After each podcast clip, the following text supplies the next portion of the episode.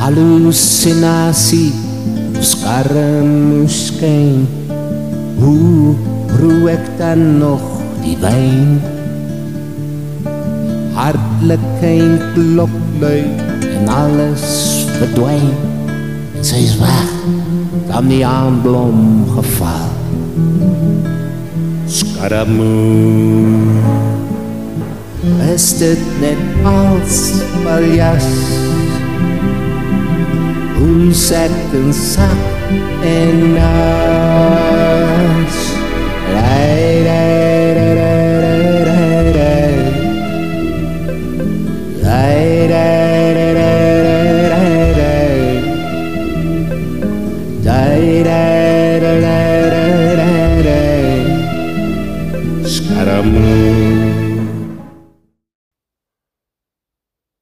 Ons het geluister na die beautiful Scaramouche, my ou vriend van Herman Holtzhausen.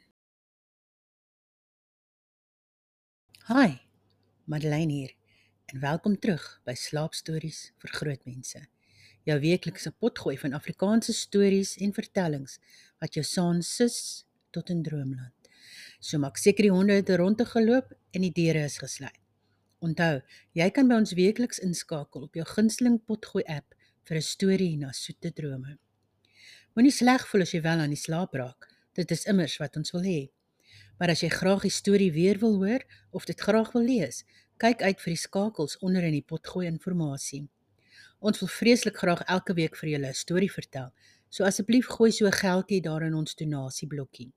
Borge is ook baie welkom hier by ons. Ons is vurige ondersteuners van skrywers. So as jy jou storie gelees wil hê, Stuur dit aan ons e-pos met al jou details en ons sal seker maak ons potgoeiers daar buite hoor van jou. Ons gaan net gou luister na ons borge, raak rustig en snoesig in jou bed. Ons is nou-nou terug. Vanaand is ons borg die koler. Enige persoonlike skryftaak, groot of klein, kan ons vir jou doen. Besighede, ons help met artikels en enige sosiale media inhoud. Studente, Ons kan help met toesprake, debatte of take. En skrywers, julle kan ook op ons klokkie druk. Gaan na ons Facebook bladsy De Koller vir meer info. Hoop om binnekort van jou te hoor. De Koller, we do it right for you. Daar sê, wens ek het geweet van hulle toe ek my boeke geskryf het. Maar nou ja.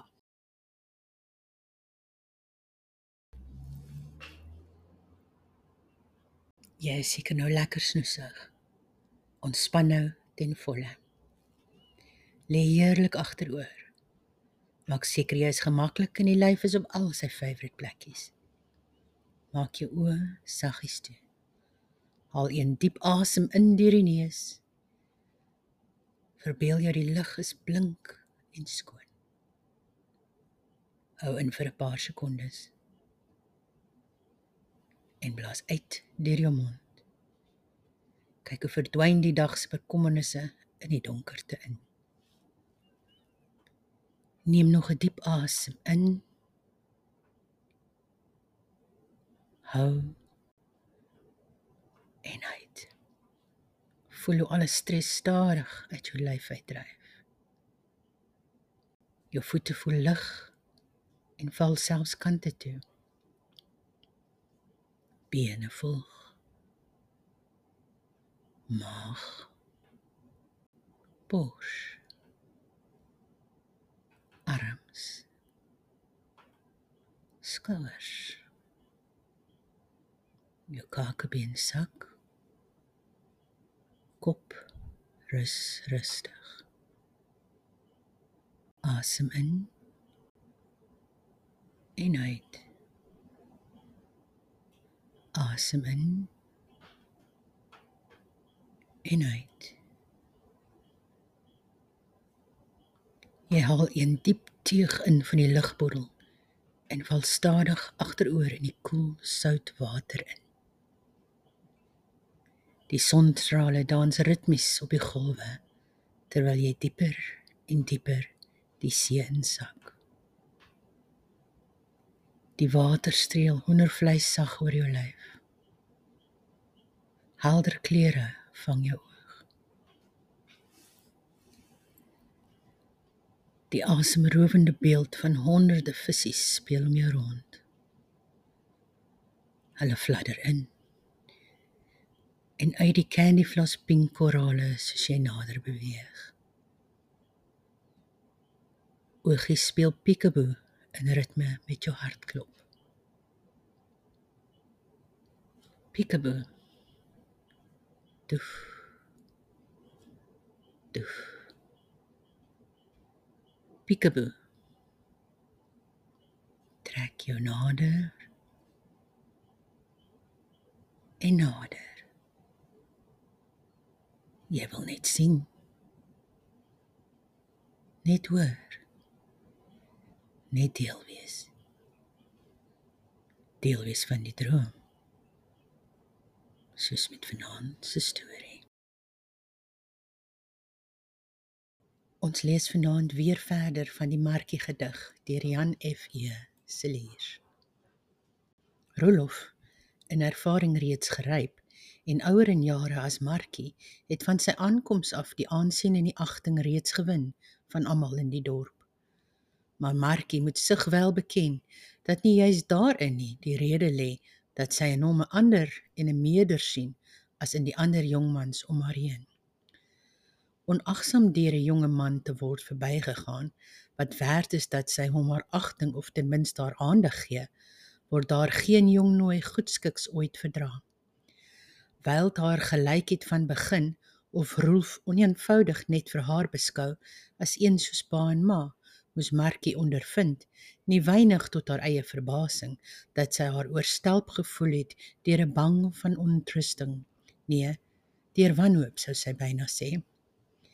Die dwaasheid daarvan het sy toe haarself wel voorgeredeneer, sig vraend waarop sy tog wel te wanhoop had en kwaad dat so 'n beroering haar so helder van verstand so 'n dwaase kyk op mense en dinge gee.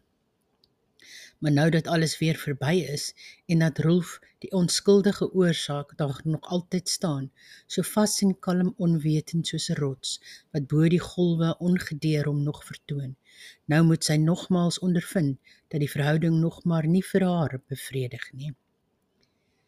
Dis swaar vir haar om hom met rus te laat.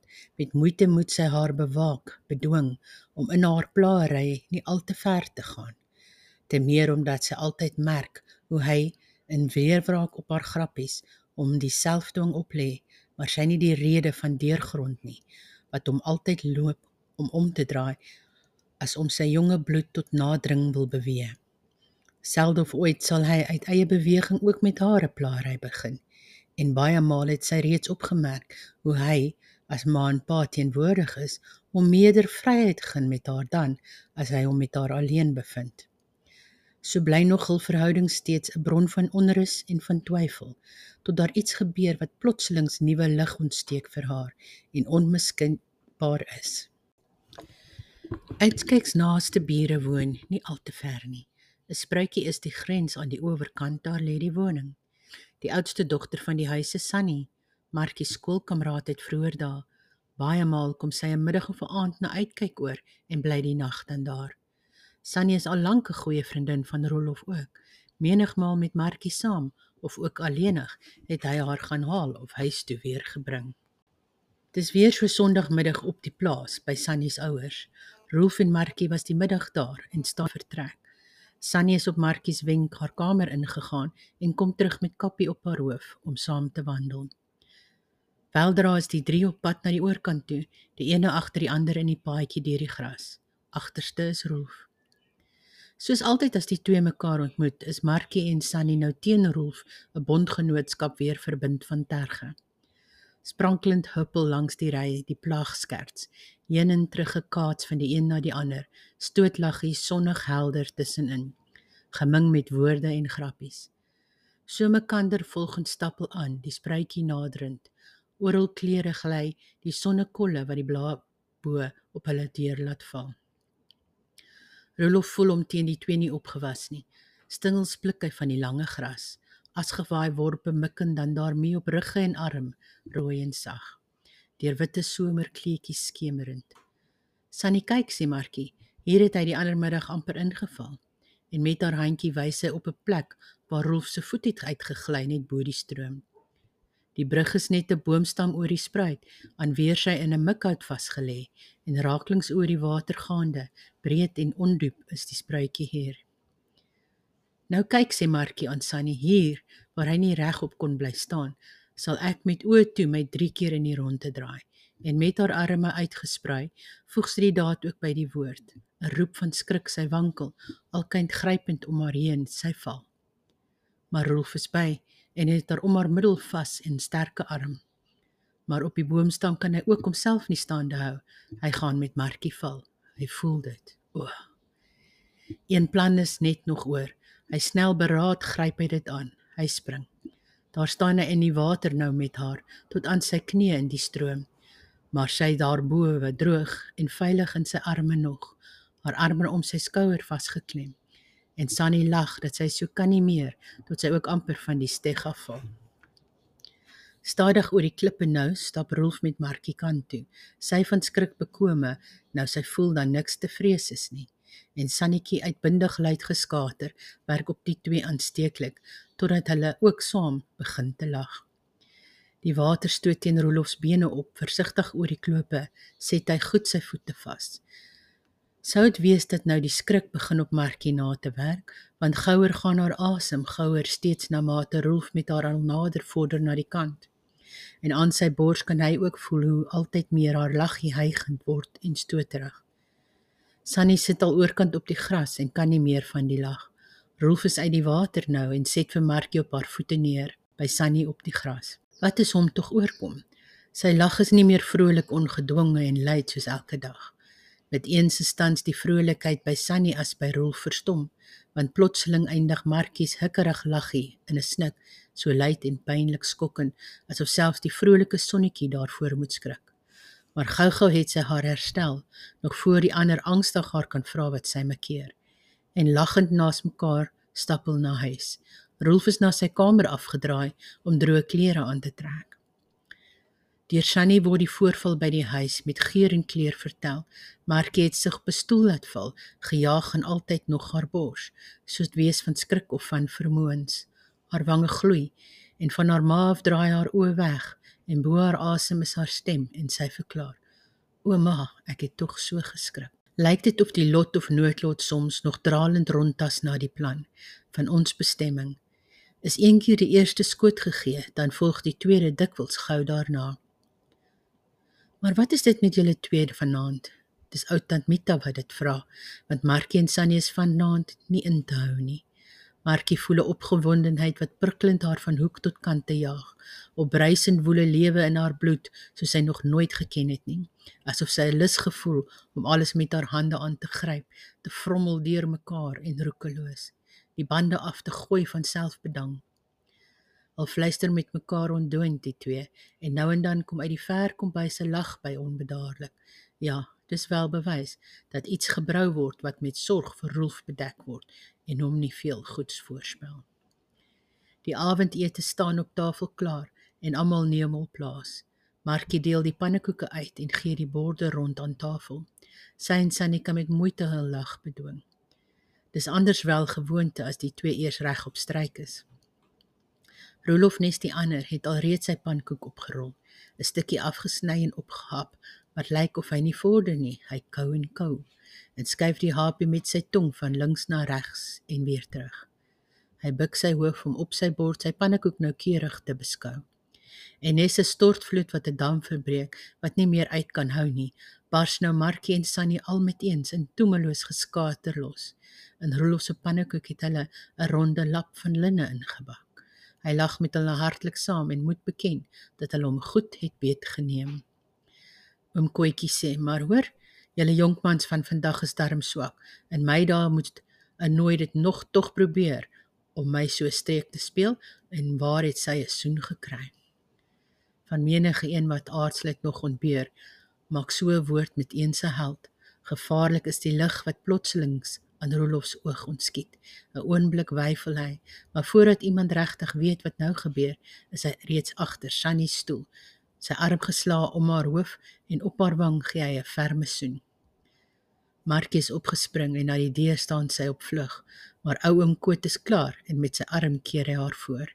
'n Oomblik nog en Rolf het haar gepak, haar arme in sy sterke greep geklem en magteloos haar op frisse lippe rood en vol druk hy 'n soen. Albei die slagveld nou ontvlug en Rolf het baas gebly.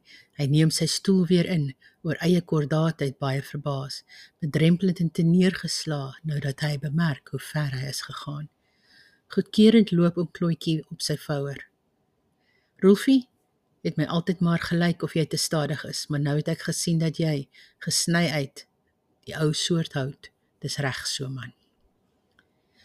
As Markie weer die ander môre vroeg die eetsaal binnekom, vind sy vir Rolf reeds daar en ywerig besig na sy bord het hy 'n stuk papier en teken iets met potlood daarop aan. So besig is hy selfs nie merk hoe sy die kamer binnekom of sou hy maar so maak. Dis net of sy 'n stok gevoel en op die drempel moet bly staan. Wat is dan in hom sins wat daar gister het gebeur? So ganse gaar en niks verander nie. Môre sis sê hy met eens as hy reeds reg oor hom haar stoel geneem het, maar van sy skrywe kyk hy nog nie op en bly nog so rukkie spraakloos sit. Met snelle handbewegings skuif hy nou papier en potlood weg en kyk haar in haar oë aan. "Ou sis, Maar waarom kry ek dan nie vanmôre glad geen koppie koffie nie? Markie voel 'n rukkie in haar asem. Snel verleë is haar laggie as sy moet gewaar dat sy eers nou haar tafelplig gedenk. Sy gryp die koffiekan en skink sy koppie vol en dis vir haar 'n baie groot verligting as sy sien dat hy met brood en botter besig is en nie die blossie merk wat op haar wange vlugtig vlam. Maar half het sy 'n gedagte dat hy ekspres nie wil gewaar. Hoewel hy openhartig is en vrolik, bly hy maar vir haar 'n raaisel. Hoofskikkend by homself, pratend as daar niemand by is nie, en soms tyd stil en diep gepeins, maar gou is altyd weer die skade weer weg en hy is weer homself, met eens weer iemand iets kan merk. Markie is haarself nie meer, sy voel haar op die weg gestoot, waar sy nie meer op kan terugkeer nie. Vergeefs is elke dag haar moeite om in praat en doen vir Rolf dieselfde weer te wees soos vroeër. Ja, maar as sy aan haarself vra op watter tyd die vroeër terug moet sien, dan weet sy nie. Want duidelik is dit tog vir haar dat reeds die eerste keer van hul ontmoeting sy al reeds nie meer haarself het gevoel. Maar nou moet sy daarby nog ondervind hoe sy ook tot haar ouers en haar vriende en tot haar werk geworde is, soos een wat vreemd is. Wonderlik is in ons lewe ja, die keringspunte as ons moet gewaar dat so met eens 'n nuwe siel die leiersels het geneem van al ons dinke en gevoel en ons op duiselhoogte het geplaas van saligheid van waar ons oogsig plotselings kan verbeel in die afgrond van die smart te kyk na elke aand na die avondmaal bly Rolof in die huislike kring hy trek hom baie maal terug om rustig in sy kamer om te wy aan skryfwerk mee na huis gebring of aan 'n boek en nie beseffend blykbaar hoe hy dan 'n leegheid nalat in die klein kring om Dawend lamp. Dan kom die wens by Markie soms op. Sy weet nie waarom nie dat hy tog maar vir altyd weg mag bly. Die someraand is swoel en oop wyd. Staan deure en rame bildels lamplig strooiend buite toe tot diep in die eikeblare. 'n Ligbaan val daar ook uit Rolofs venster, reguit oor die werfgras, op en oor die muurtjie van die tuin. Die rose struike treffend daar. En as gevange eindigend in rose tros vervelig donkerrooi, bo almal hoog warm gloeiend teen die donker van die nag. In skaduwee van die roseboompies agter in die tuinpad staan 'n bank. Daar iets daarop wat roer. Dis Markie. Vroegend aand reeds het sy haar kamer opgesoek. Maar swaar en stikkend was die lug. Gevlug was sy na buite, asem soekend in die tuin. Mag sy Mag sy deur die struike heen haar oog laat gaan na Rolofs kamer oor die werf. Ag waarom nie? Die raam en deur is wyd geopen vir die koelte en sy hoor haar ma is daar, hoewel sy haar nie daarvandaan gewaar. Dit reikend sorgend bring tant Mita so vir Rolof baie male koppie melk en bly 'n rukkie in sy kamer dan met hom gesels. 'n Moeder ook vir hom, nie minder as vir Markie, haar eie kind. Die plaasvolk kom na huis toe uit die dorp, 'n dingetjie singend by die heesgeluid van hul konsertina. Trappend op die maat en as hulle oor die baan van lamplig tree wat val uit Rolofs kamer, draai die hoofde 'n oomblik om en wortel groet gehoor Naand Basie sonder op te kyk het Rolf die groet beantwoord. Steunend op sy handpalm rus sy hoof, sy oë gebonde en aandag op die vloer, terwyl ou tant Mita iets vertel. Aan een kant op sy hoof en skouers straal die lamplig helder. Markie stoot die takkies van die rose eenkant toe, dat sy hom kan gewaar, en hongerig asof sy hom net elke dag ontmoet, verslind sy hom in stilte met haar oog. Wie klaand hees haha die konsertina tog van ver en begelei die kreetjies sang, geleide wat nog meer dan Markie laat gevoel dat sy alleen is, heeltemal omslote in die donker en vergeet. O heerlik met die saligheid heen wat opreis in haar boesem, sterker golwend elke oomblik hou. Sy kan nie meer bly sit nie, spring met eens ooreend en wandel snel die tuinpad op en neer tot bowe by die ou preel, haar wange koelend teen die druiwe loof en drink met lippe oop wy die koel nagling teeg op teeg. Sy voel 'n drukking pynlik op haar bors en op haar knie sak sy neer met eens, haar hande op haar bors, haar oë na die sterre bo en magteloos, half bidtend, half belydend, net soos een gevang in die kraggreep van 'n reus, ontbewe aan haar lippe net die woorde: God, ek het lief. Dis laat. Hoe lank sou dit wel kan wees dat sy daar in die paadjie sit alleen? Sy weet nie. Strykend met haar handjies oor haar voorop staan sy op en voel so kalm en rustig as sins maande nie. Die ligte is oral uit en alles slaap op uitkyk reeds. Sy stap die paadjie af, die tuinhek uit. 'n Swaar skade weer aan die eike deur en loop die woning om na agter en bereik haar kamers buite deur. Sy voel haar weer van môre, heeltemal haarself van vroeër dae, lighartig onbeswaard en byna onverskillig teenoor Rolf. Sy kan haarself nie verstaan, gedenk die beroering van gisteraand Die weelde is uit van selfgenoegsaamheid, versekerd van besitting groot en ryk, bo alle twyfel nou geopenbaar.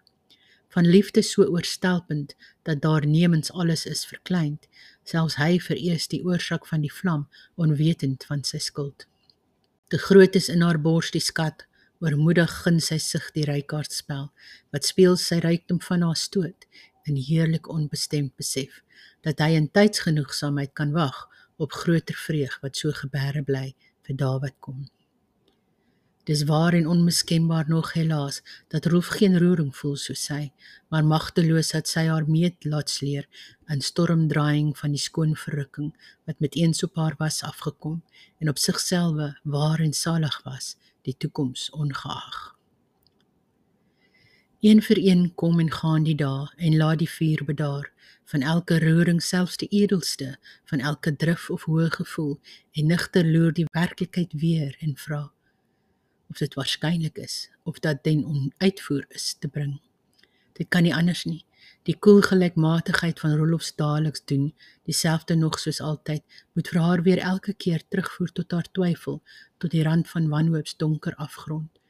Huiwerend ontruk sy aan die oomblik telkens weer haar oog, voel of in haar are al haar bloed terugstroom na haar hart.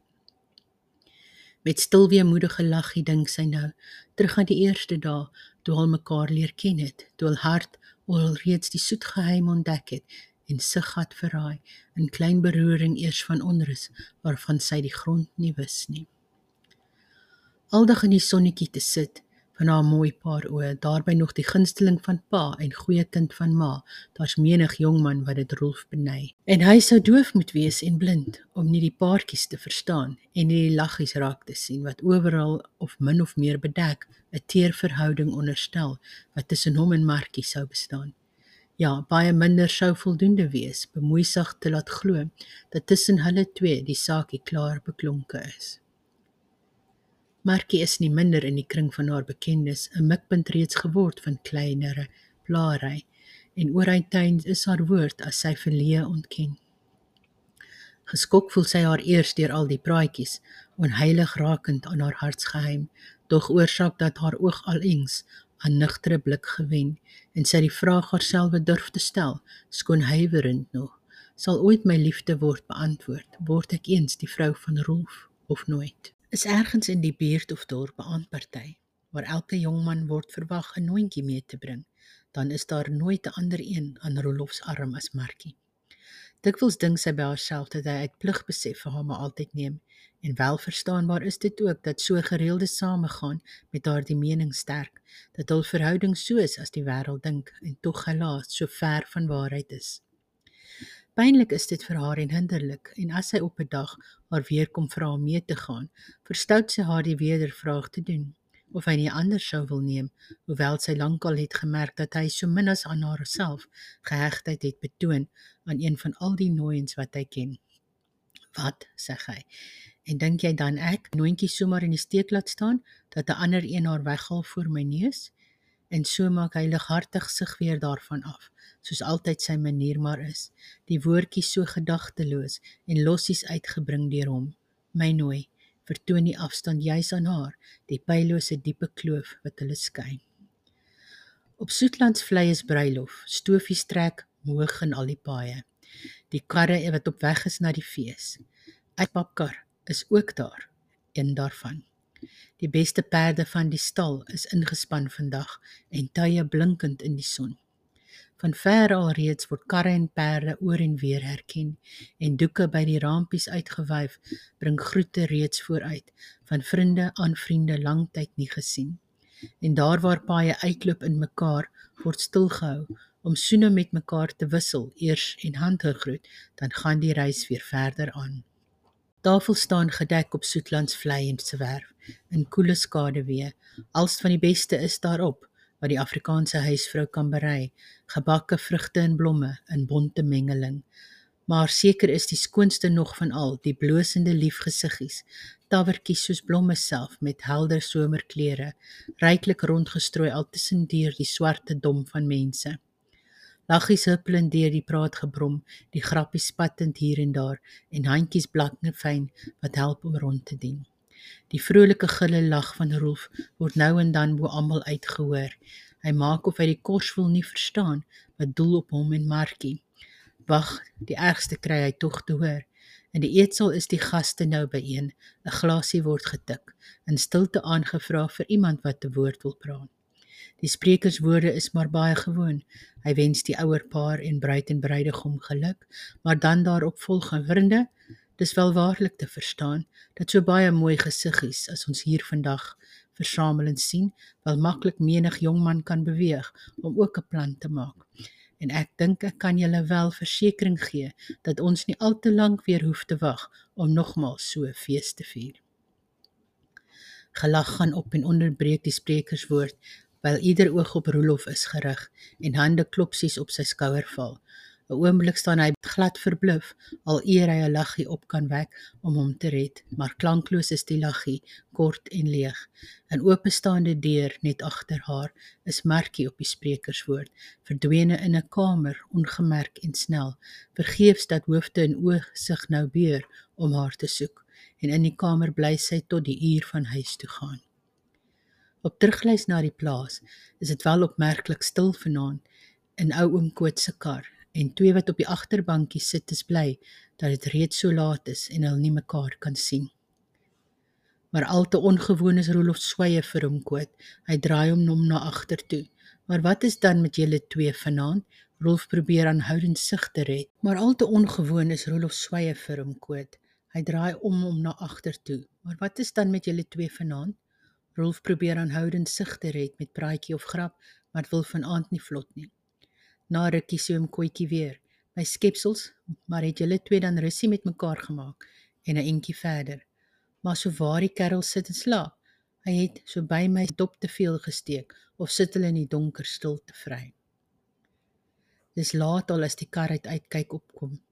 Agter uitgespring en loop na voor om die hek te open dat hom koot deur kan ry. Hy sluit dit weer en roep van ver aan almal goeie-nag terwyl hy na sy kamer stap.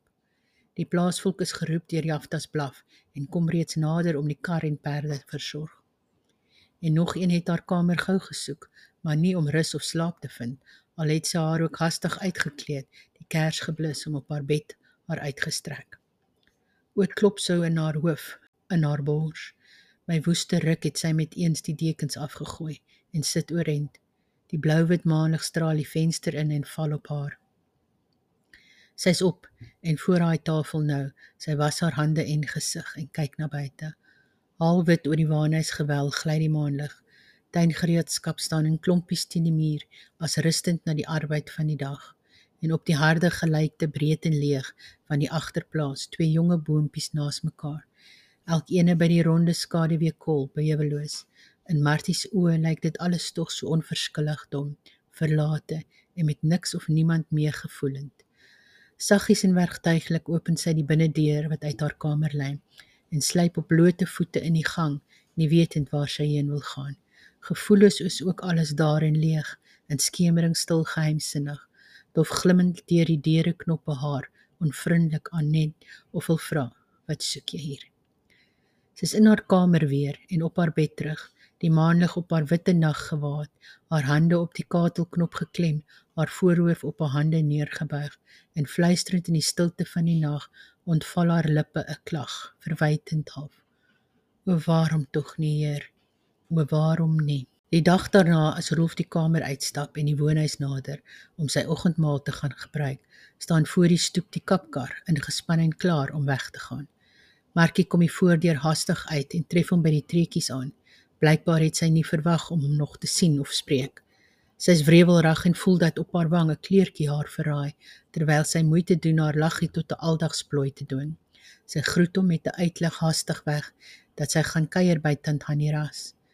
Sy was al op van vroeg van môreoggend en het haar ma vertel hoe sy reeds lank tant Hannie 'n kuier het beloof.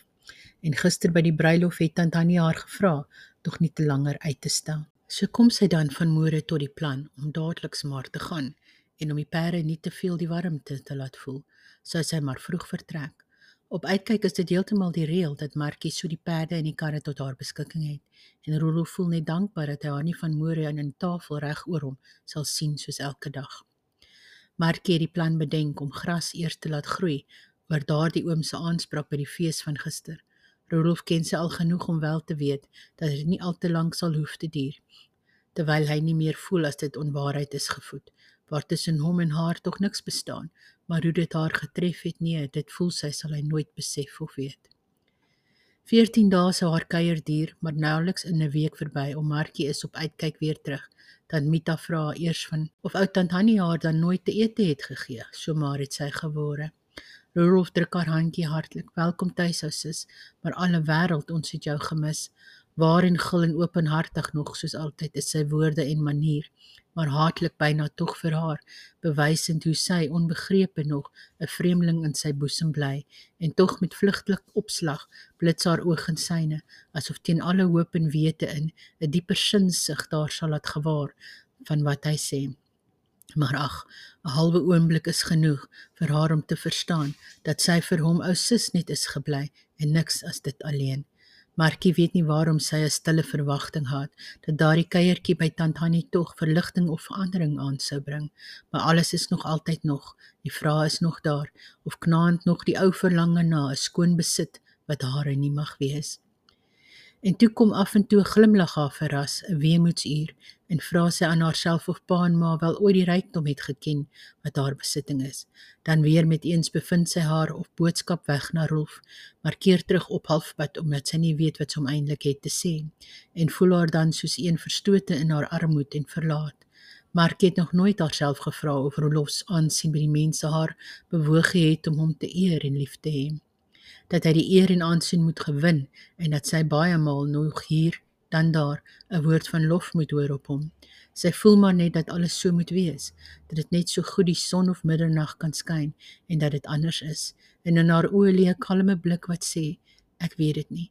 Is dit maar al wat jy het te sê van hom? O myne is hy en meer as een van julle sin. Hy's myne alleen. Soete drome. lekker slaap.